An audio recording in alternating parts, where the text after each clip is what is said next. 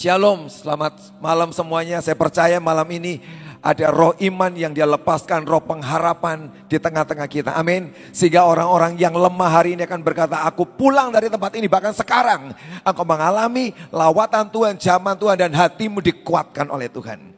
Kita akan buka firman Tuhan sama-sama dalam Yohanes pasal yang ke-11. Ayat 17 sampai dengan ayat yang ke-21.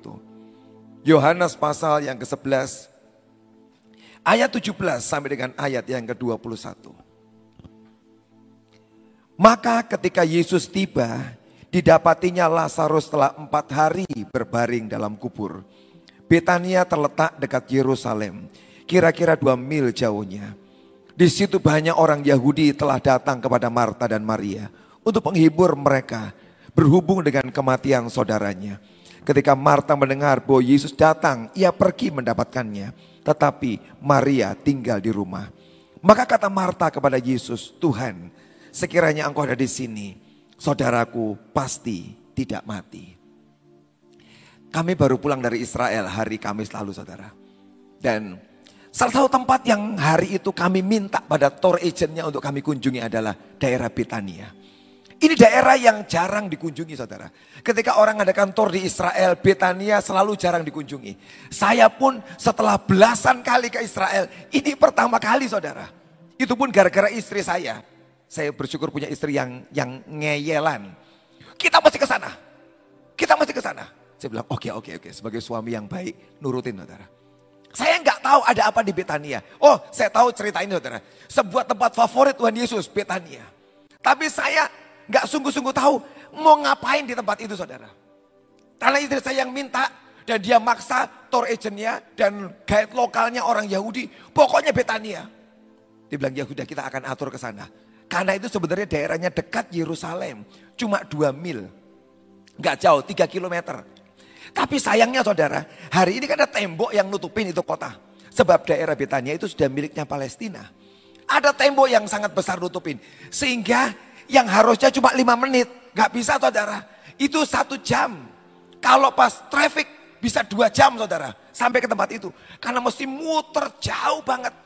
Ngelewati tembok, tembok, tembok. Saya bisa masuk kota itu. Sampai ke sana. Kami masuk ke sebuah gereja. Yang diperkirakan di tempat itulah. Tempat tinggalnya Marta, Maria dan Lazarus. Di tempat itu. Dan juga dekat situ ada sebuah area yang diperkirakan menjadi kuburnya Lazarus. Kami datang di sana. Waktu kami datang di halaman gereja itu. Aneh saudara. Ada hadirat Tuhan yang luar biasa. Kami sebenarnya tidak boleh masuk gerejanya. Cuma boleh di luar. Sebab di dalam itu sedang dipakai untuk acara misa. Ada ibadah di dalam. Jadi yang tersedia cuma pelataran saudara. Untuk kami rombongan kami 90 orang. Di pelataran lah. Biasa kelompok kita bahtera toh. Di mana pun juga, kapan pun juga. Pokoknya ada kesempatan sikat. Langsung keluarin alat musik. Dan nyembah Tuhan di pelataran. Tapi saudara, waktu nyembah Tuhan di pelataran saudara. Kita merasakan hadirat Tuhan yang sangat kuat di tempat itu. Kami percaya di tempat itulah tempat jadi favorit Tuhan Yesus. Betania. Tiap kali dia mengunjungi Yerusalem, dia tidak mau nginep di Yerusalem.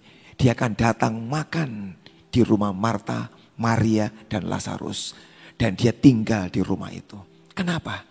Sebab itulah tempat di mana ada orang yang welcome. Yang menerima dia dengan luar biasa. Di tempat itu saudara. Kami nyembah. Hadirat Tuhan kuat orang pada berlutut di halaman. Muncullah pastornya keluar. Dia bilang, ngapain kamu di sini? Kok di luar nyembahnya? Pertama nggak boleh masuk saudara Ketika pastornya melihat semua nyembah Tuhan, dilawat dan mereka semua nangis. Pastor berkata, stop berhenti, masuk gereja. Boleh, boleh, semua langsung wut pindah masuk ke gereja. Kita nyembah lagi di gereja. Pastornya nungguin. Saya tahu, dia mungkin tidak pernah merasakan hadirat Tuhan. Tapi kalau dia berdiri di belakang, dia menikmati penyembahan. Dan kami berdoa, dan hari itu kami tahu Tuhan hadir dengan sangat kuat di tempat itu. Betania, tempat favoritnya Tuhan. Tempat yang dicintai Tuhan, tempat yang disenangi Tuhan. bagaimanapun juga dia sudah tidak ada hari itu. Tapi dia pernah mampir di sana. Dan apa yang terjadi saudara?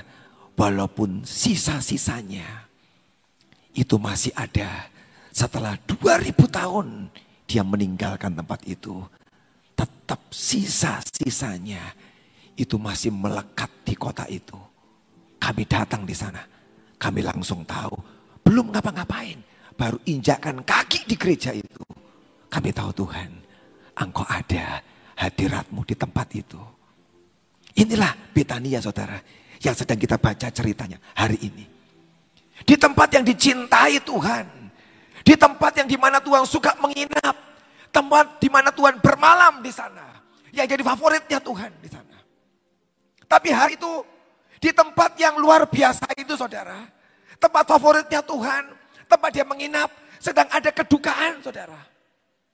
Sebab keluarga di mana yang selalu menyambut dia hari itu satu dari mereka. Yaitu saudara laki-laki mereka namanya Lazarus mati saudara. Loh, tapi kenapa kok Yesus hari itu nggak di sana? Kok malah Tuhan Yesus sengaja dalam cerita ini dia menunda kedatangannya. Kalau memang dia mencintai keluarga ini, kalau dia memang mengasihi keluarga ini, dan keluarga ini yang selalu menerima dia dengan sangat terbuka. Mengapa dia menahan-nahan langkahnya untuk datang ke sana? Sebelum Lazarus mati, dia akan bisa datang menolong keluarga itu supaya jangan sampai mati. Pernah gak ngalami saudara? Engkau sudah melayani dia. Engkau pakai waktumu, uangmu, tenagamu, semua engkau sudah berikan buat Tuhan. Engkau orang yang welcome buat Tuhan. Engkau menerima dia, menyambut dia, melayani dia. Tapi ada satu masa dalam hidupmu engkau merasakan Tuhan. Kenapa ketika aku sedang butuh sesuatu, engkau sepertinya menunda, menunda, menunda. Bahkan dia sengaja menunda sampai empat hari saudara. Dan ketika semua sudah terlambat, dia datang ke sana. Hanya untuk mengucapkan turut berbela sungkawa atas meninggalnya Lazarus. Kenapa Tuhan? Engkau tidak datang ketika dia sakit. Atau satu hari setelah dia mati.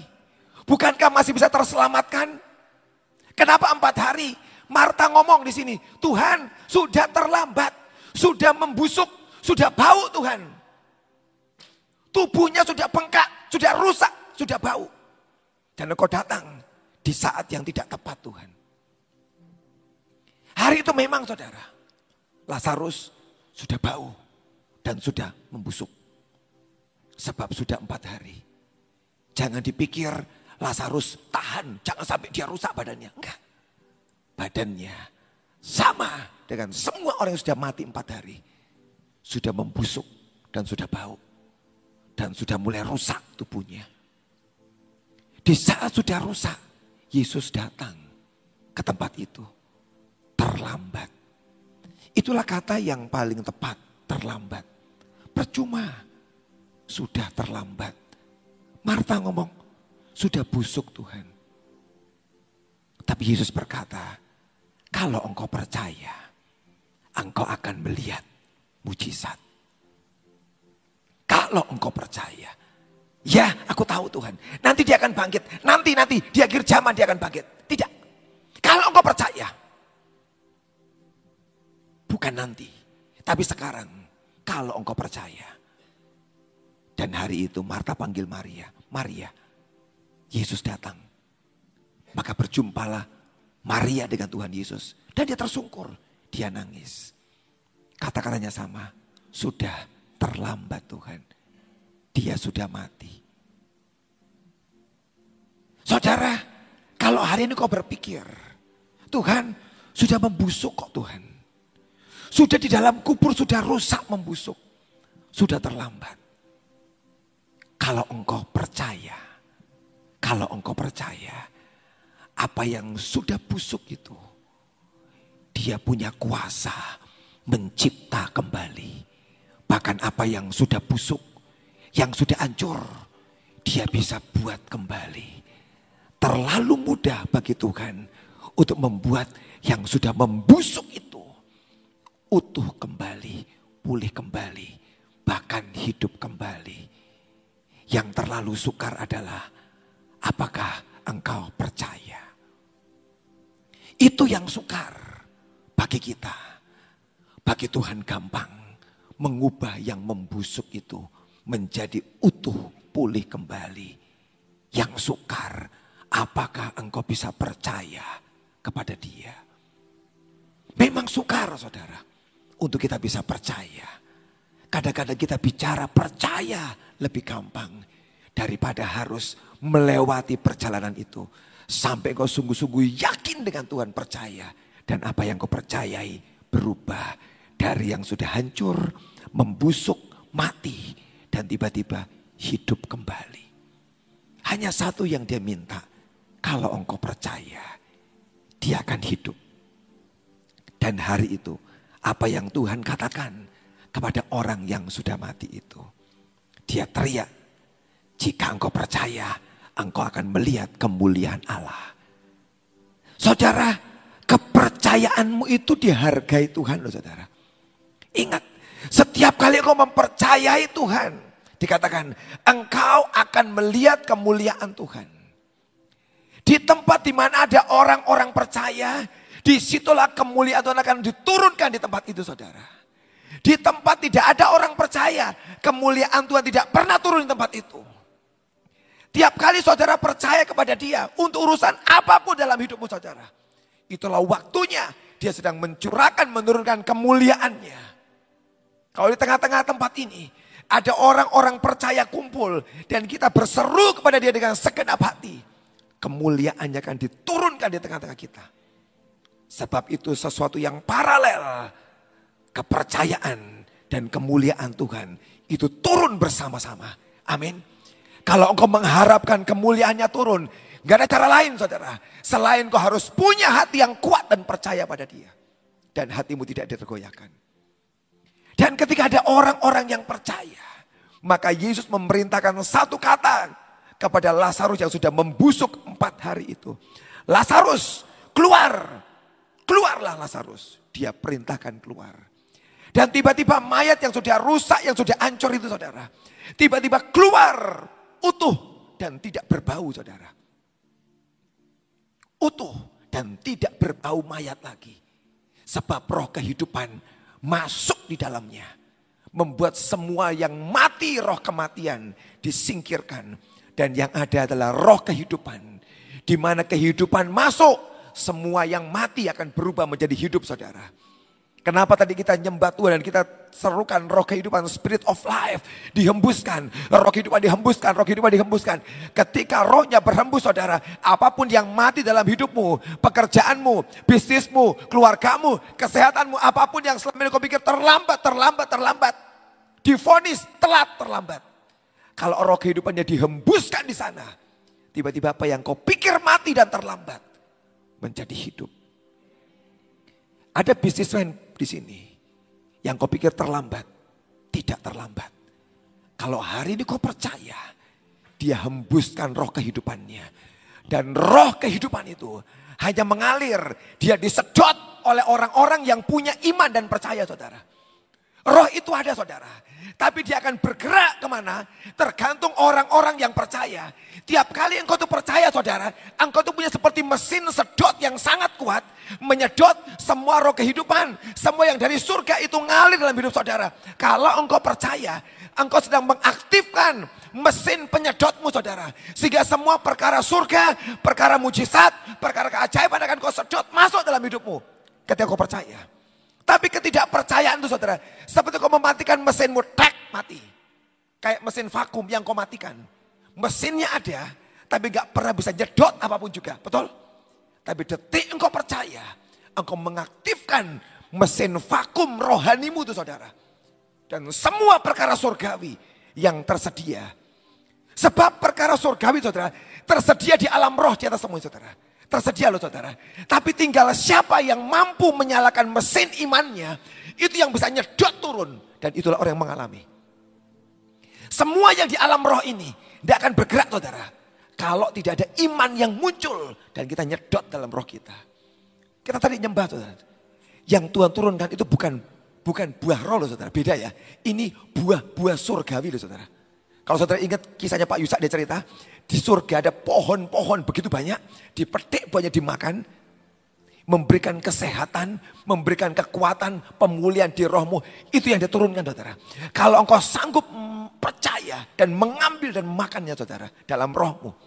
Tiba-tiba ada kekuatan muncul di sini yang sangat kuat saudara. Seperti kekuatan di surga diberikan dalam hidup saudara. Hari ini tidak ada orang yang buat off mesin imannya. Sebab kalau itu off, maka semua yang di alam surga berkat-berkat rohani tidak pernah bisa kau sedot masuk dalam hidupmu. Saya aja baru dikasih tahu Tuhan saudara ini. Saya tuh senang banget saudara. Lagi khotbah dengan saudara. Saya tuh gak pernah mikir saudara. Saya tadi cerita tentang iman, tiba-tiba dia ngomong, hidup orang-orang di sini seperti mesin. Sedot saudara. Mesin vakum itu saudara. Itu dia baru ngomong barusan saudara. Kenapa saya senang sama Tuhan saudara? Tiap kali saya khotbah, sambil saya ngomong dia ngomong di sini saudara. Itu paling senang saya. Saya berdoa saudara nangkep hari ini. Nyalakan mesin vakummu ini saudara. Dan sedot semua kekayaan surgawi, berkat surgawi. Karena saya percaya di alam surga, semua disediakan Cuma tinggal kita masalahnya. Engkau nyedot apa tidak. Dan hari itu saudara. Ketika ada orang yang merespon. Engkau akan melihat kemuliaan Allah. Lazarus keluar dari gua batu kuburnya. Dia keluar dan dia hidup kembali. Sekalipun dikatakan sudah membusuk, sudah telat. Buat Tuhan tidak ada kata terlambat.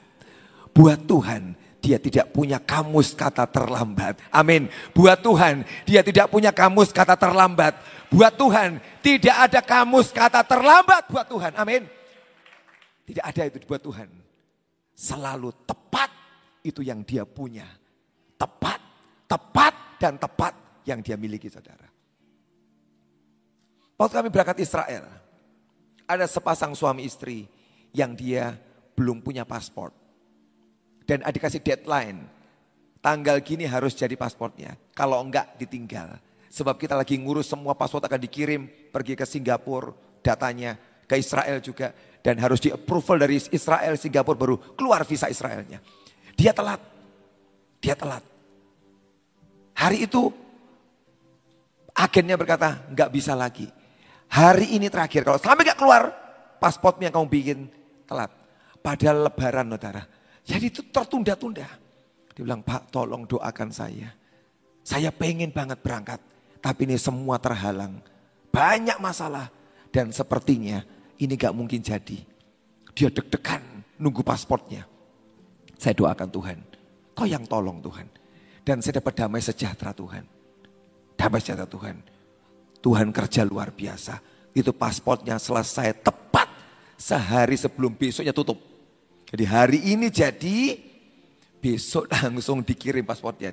Dia bilang kalau terlambat satu hari, close. Gak bisa lagi saudara. Gak bisa dikirim lagi, percuma. Gak mau terima lagi yang dari Israel dan dari Singapura. Detik-detik terakhir, kurang sehari, jadi. Itulah Tuhan saudara. Rasanya Tuhan ini piye jadi gak ya? Jadi gak? Yang punya paspor deg-degan. Saya pendetanya ikut deg-degan saudara ya kan? Karena saya disuruh minta berdoa. Tolong doain ya Pak ya kan. Kalau sampai gagal, saya juga ikut malu. Aduh gimana ya Tuhan.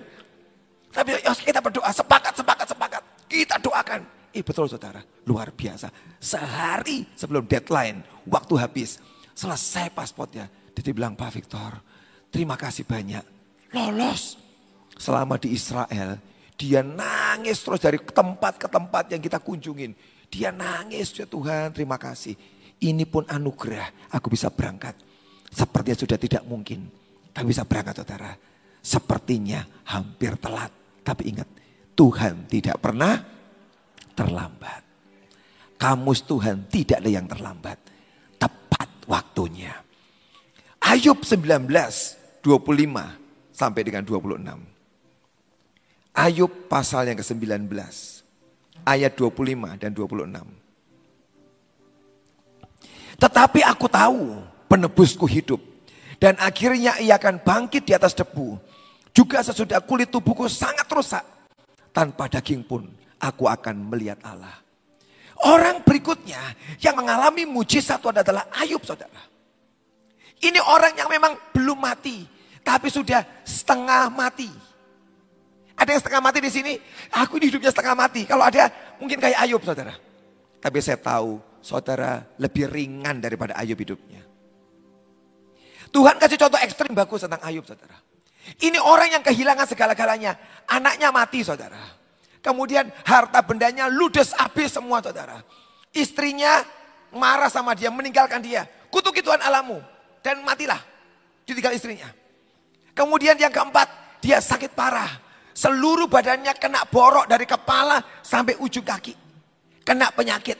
Sampai dia ngomong, sesudah kulit tubuhku sangat rusak.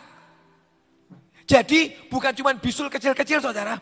Dikatakan kulit tubuhku sangat rusak. Dari kepala sampai kaki rusak semua saudara. Sebab luka itu saudara. Infeksi yang terus keluar mungkin darahnya dan nananya. Mengerikan. Dia berkata, bahkan teman-temanku tidak mau mendekat karena bauku busuk. Itu Ayub saudara. Ini orang yang posisinya sudah paling bawah dan mungkin tinggal satu langkah masuk kubur saudara. Betul? Itulah Ayub. Ini orang alami semua kesusahan penderitaan. Dan mungkin orang ini sudah berkata, gak ada harapan lah. Dengan kondisiku yang sakit, gak mungkin bisa usaha lagi, mulai lagi. Gak mungkin bisa punya anak lagi. Gak mungkin punya segala-galanya lagi. Ya sudah, aku akan nunggu mati. Cuma itu kok saudara. Yang Ayub pikirkan dalam pikirannya mungkin. Tapi yang luar biasa saudara, di tengah semua perjalanan yang menakutkan, yang mengerikan, semua yang tinggal satu langkah masuk lubang kubur saudara. Tiba-tiba dia dapat ayat ini, tetapi aku tahu.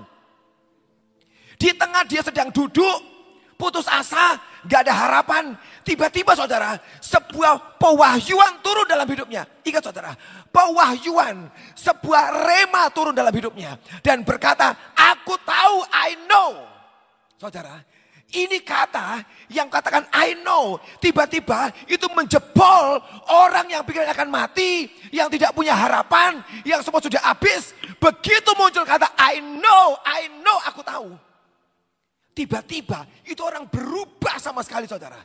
Dari mana diubah? Di sini saudara yang diubah. Di dalamnya diubah. Itu naik kepikirannya. Dia berkata, aku tahu, aku tahu. Orang yang gelap masa depannya. Yang hampir mati. Begitu muncul firman, revelation, dan rema yang kuat. Dia berkata, penebusku hidup. Cuma sepenggal kalimat saudara, nggak banyak sepenggal kalimat yang ngomong penebusku hidup. My Redeemer lives. My Redeemer lives. Penebusku hidup. Penebusku hidup. Tiba-tiba kata itu saudara. Yang katanya penebus hidup. Nembus ke sini. Membuat sebuah explosion ledakan. Dalam Ayub saudara. Begitu dia tahu. Aku punya penebus yang hidup. Tiba-tiba dia tahu. Penyakitku. Anak-anakku hartaku, semua yang hilang bakal ditebus. Sebab kata ditebus adalah ada seseorang, penebus itu seseorang yang dekat dengan aku. Yang akan membeli semua hartaku, semua milikku yang tergadai, yang terjual. Akan dibeli orang itu dan dipulangin kepadaku. Saudara, di tengah tidak ada harapan saudara. Muncul satu kata penebusku hidup. Dan kata itulah yang dia pegang dalam hidupnya. Waktu itu masuk di sini. Saudara betapa pentingnya setiap kita itu dapatkan satu one word from the Lord. Satu kata. Gak usah banyak kok saudara. Cuma satu kata. Tapi kalau kata itu menjadi rema. Jadi revelation, wahyu. Sampai nembus ke rohmu. Sampai muncul ledakan, dum keluar itu kata atau itu firman saudara. Yang punya kekuatan mengubah semua kondisi yang kau alami hari ini. Amin. Itu yang membuat Ayub bangkit dari keadaannya. Walaupun sudah rusak kulitnya. Sudah hancur dagingnya. Tapi dia berkata, aku akan melihat Tuhan. Aku akan melihat Tuhan. Dan ketika itu masuk saudara.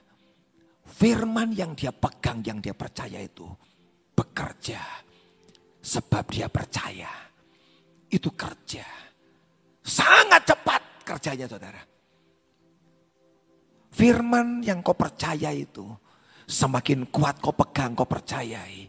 Kita bersyukur di Bahtera jajarin kau deklarasi. Tapi tapi apakah yang kau deklarasikan, do you believe it?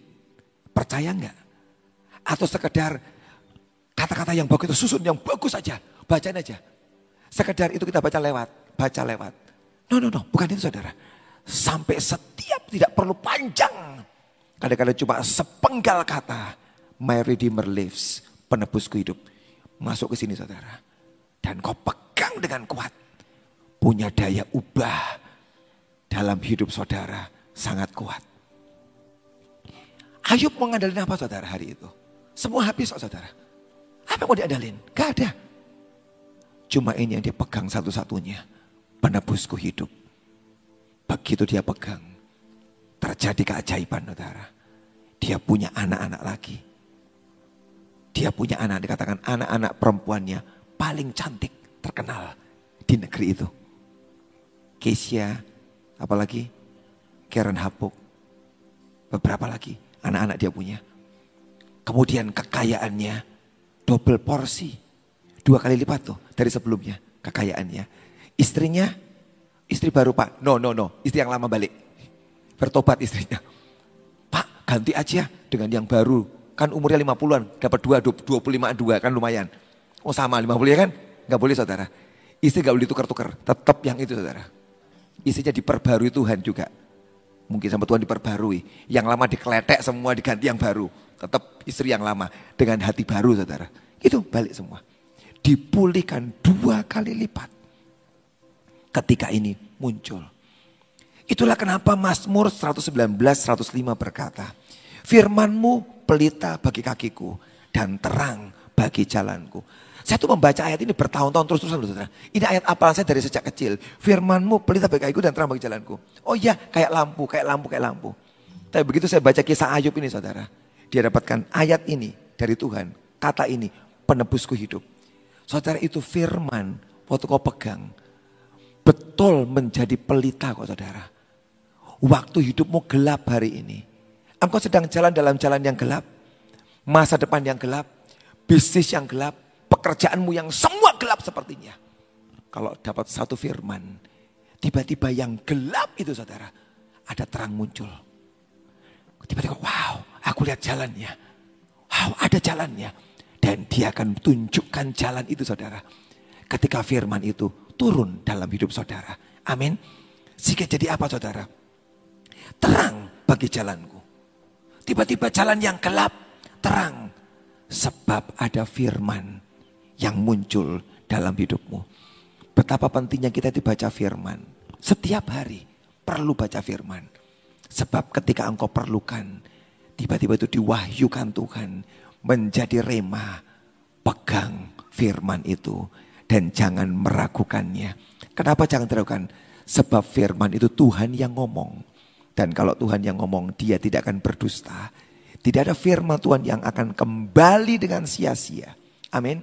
Dia akan bekerja. Itu bagus saudara. Firmannya kalau engkau ambil jadi rema Firman itu yang bekerja buat saudara. Amin. Akan kerja itu firman. Engkau yang enggak mungkin. Tapi firman yang kau percaya itu akan bekerja. Sampai menciptakan sesuatu yang kau perlukan dalam hidupmu saudara.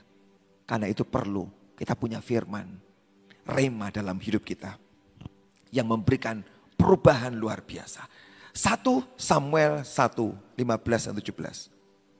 1 Samuel pasal yang pertama ayat 15 sampai dengan 17. Tetapi Hana menjawab, bukan tuanku.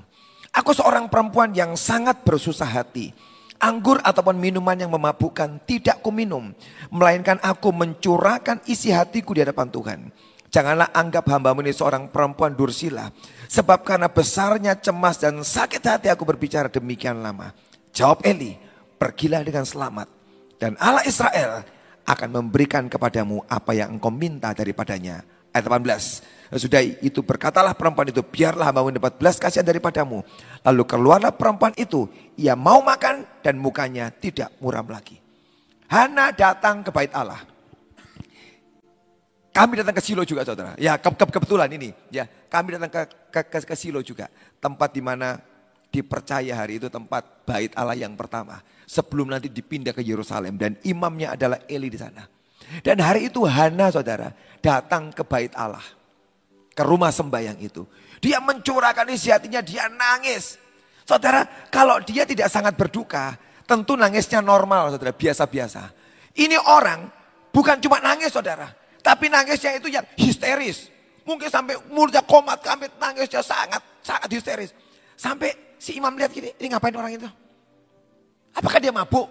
Kok sampai ngomong sendiri mulutnya komat kami nangis. Kayak orang, kayak orang gak normal saudara. Kenapa gak normal Hana? Karena dia sangat pedih hatinya. Ini orang dilecehkan, direndahkan. Kamu mandul, kamu gak punya anak. Terus dihina, penderitaan, sakit hati, semua numpuk dalam hidup orang ini. Dan dia nggak tahu masih ke mana. Tempat yang paling bagus adalah Tuhan. Tapi sayangnya saudara, hari itu ke bait Allah itu setahun sekali. Atau paling dua tiga kali toh setahun saudara. Bayangkan Hana nunggu setahun sekali. Nunggu nyimpan semua. Semua koleksi sakit hati. Kepahitan semua disimpan setahun. Ketemu Tuhan. Wah Tuhan. Makanya dia teriak-teriak di situ. Sampai Eli ngomong, eh, eh kamu mabuk ya? Bukan mabuk. Sangat bersusah hati. Kemudian Eli tiba-tiba dapat pesan Tuhan. Ayat yang ke-17. Pergilah dengan selamat. Dan Allah Israel memberikan kepadamu apa yang engkau minta daripadanya. Pergi. Tuhan kabulin doa kamu. Eli gak tahu itu doa apa. Tapi dia cuma ngomong. Pesan Tuhan buat kamu ya. Pergi dengan selamat. Tuhan mengabulkan. Begitu dia mendengar pesan Tuhan. Turun dalam hidupnya. Pergi dengan selamat. Tuhan memberikan kepada yang kau minta Dikatakan di sini, langsung dia bangkit, dia makan, minum, mukanya nggak muram saudara. Lah ini loh saudara, tanda sebuah reaksi dari orang yang percaya. Kalau dia nggak percaya, puasa tetap muram. Tapi ini orang begitu mendengar pesan Tuhan turun dalam hidupnya. Pergi dengan selamat. Tuhan dengerin kamu. Langsung mukanya bercahaya. Dia makan, minum. Banyak banget makan di hari itu. Kok tahu pak? Ya kira-kira lah ya kan. Nah, orang sana kan makan banyak ya kan. Empal gentong disikat. Apalagi di sini ya. Nasi itu lengko, sikat. Apa ya, yang, yang, yang, yang kesukaan saya itu saya lupa namanya.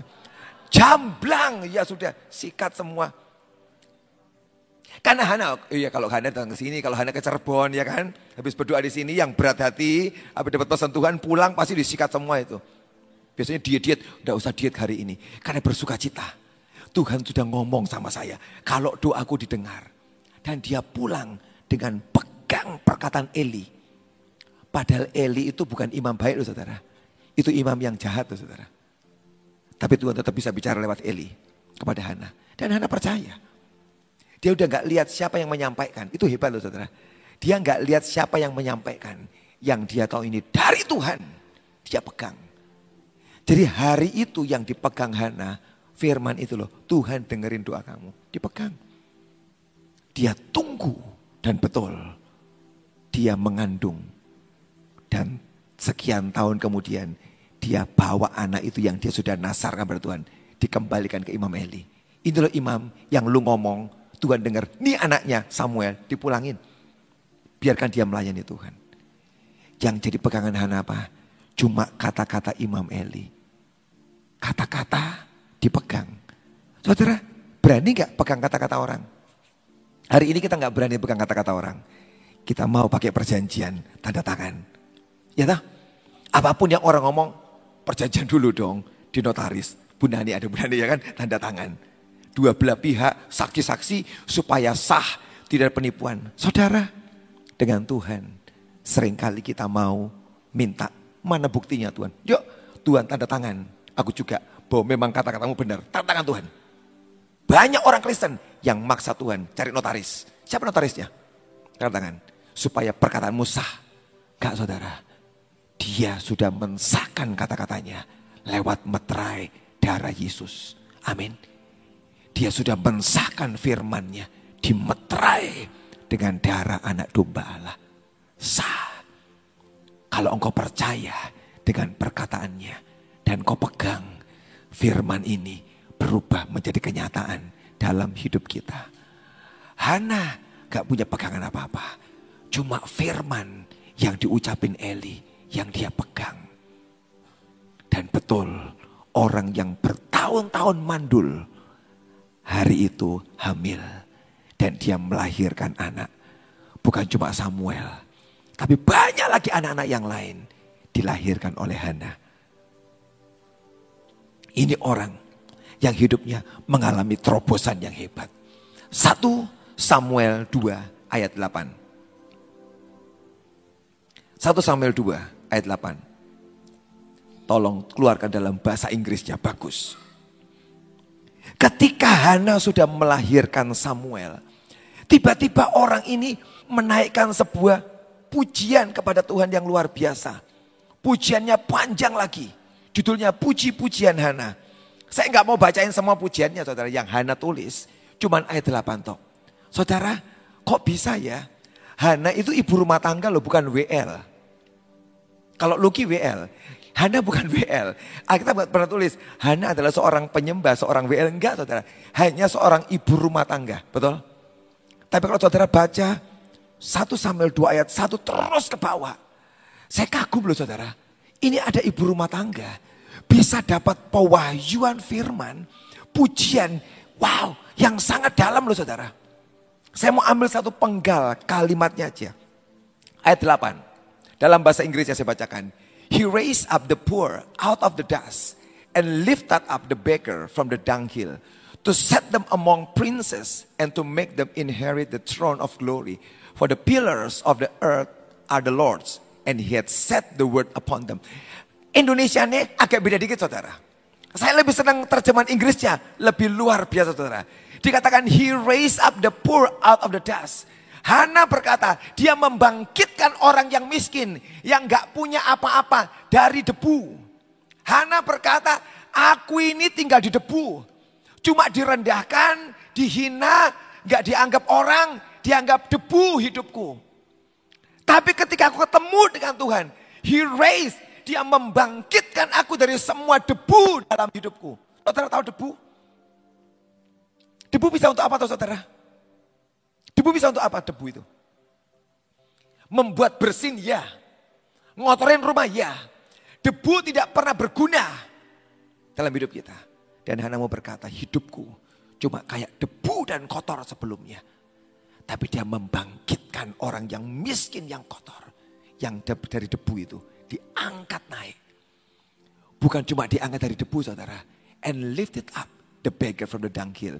Dan seperti dia mengangkat pengemis dari. Dangil itu apa saudara? Tumpuan kotoran. Sebetulnya bukan kotoran. Kalau dang itu arti bahasa rodok kotor diomongin ya. nggak bagus. Ya, saya kan pendeta ya nggak boleh ngomong ya. Ya kan? Dang. Dang itu jorok banget saudara. Dangil.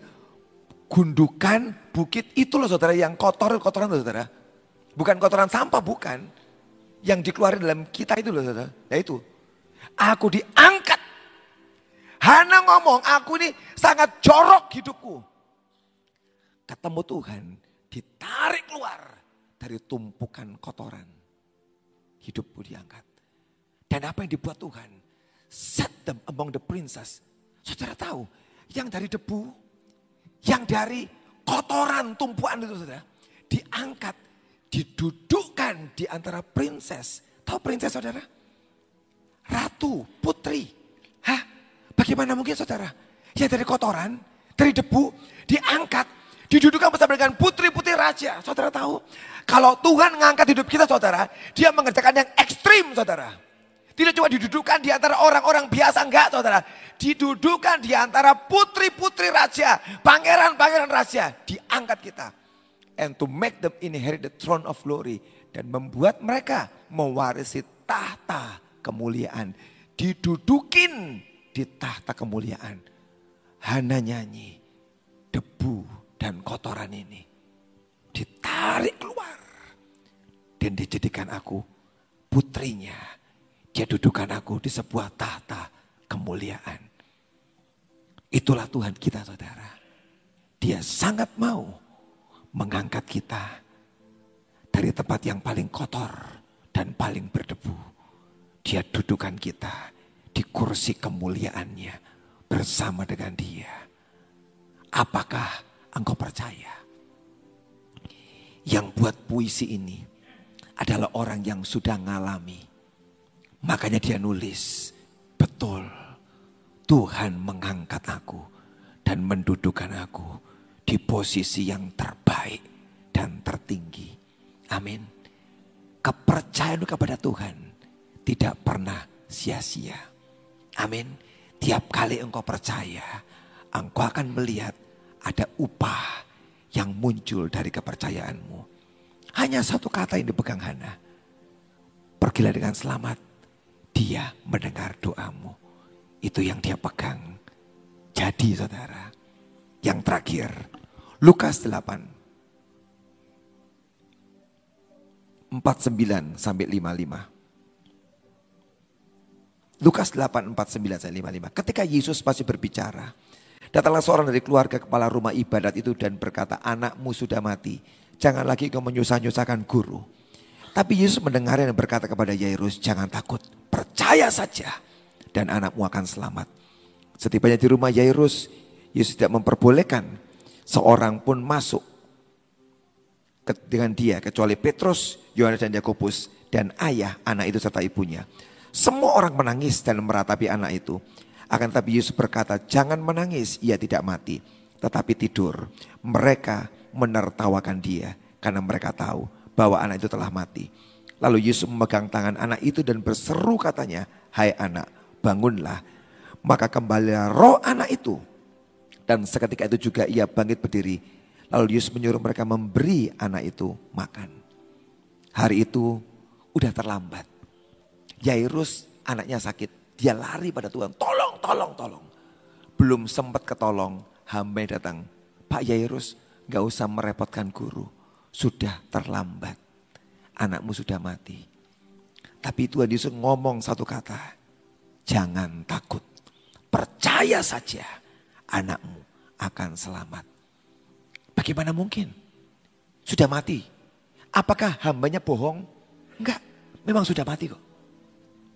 Tapi kata-kata Yesus, jangan takut, percaya saja. Anakmu akan selamat. Mana yang Jairus pilih hari itu? Kabar dari hambanya. Dan ini pasti yang benar. Sebab dia dari rumah lari. Sementara Yesus belum nyampe ke rumah. Karena dua berita yang muncul. Yang satu belum lihat yang satu sudah lihat, kita akan percaya kepada yang sudah lihat. Betul? Tapi Yesus yang belum lihat ngomong, jangan takut, percaya saja, selamat-selamat anakmu. Dan Yairus hebat, dia memilih percaya pada Yesus. Dan dia tidak memilih percaya pada hambanya yang datang itu. Sudah mati, telat, tidak usah disusahin. Dan dia berkata, ayo tetap ke rumah. Tetap berangkat saudara. Sebab dia percaya dengan perkataan Yesus. Dan hari itu mereka sampai ke rumah. Dan Yesus berkata, tidak boleh ada yang ikut masuk ke kamar anak ini. Semua nggak percaya di luar. Hanya yang percaya ikut dengan aku. Yesus, Petrus, Yohanes, Yakobus, Yairus, istrinya boleh masuk. Karena kamu percaya. Sementara orang-orang yang menertawakan dia. Ketawa, ah, sudah mati, mau datang. Kamu di luar, gak usah ikut-ikut. Ini bukan urusanmu, urusan kami. Saudara, kalau dengan Tuhan, hanya yang percaya, yang dia bawa, ayo ikut sama aku. Lu gak percaya, tinggal. Yang percaya, ayo ikut sama aku. Saksikan mujizat yang ajaib, yang luar biasa. Kau tidak percaya, kau di luar. Yang percaya, mari ikut. Dan dia katakan dia tidak mati. Dan dia pegang tangan itu, anak bangun. Bangkit anak itu Beri dia makan, kasih makan. Semua yang menertawakan dia, saya tahu malu tertunduk mukanya. Mereka tertawain Yesus, Hah, apa mungkin, sudah mati kok. Dia datang, gak mungkin hidup, gak mungkin.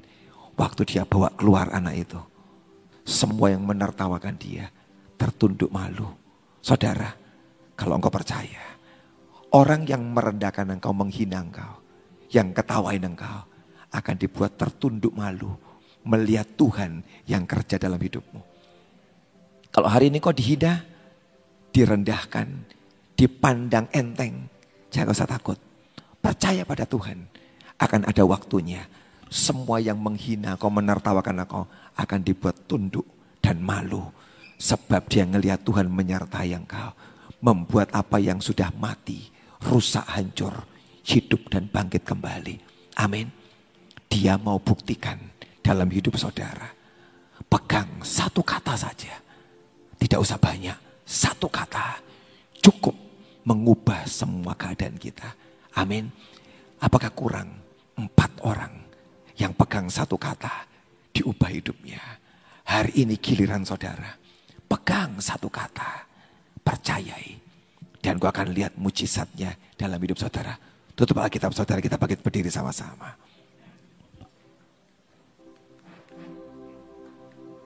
Naikkan pujian kuasamu terlebih besar. Tuhanku terlebih besar.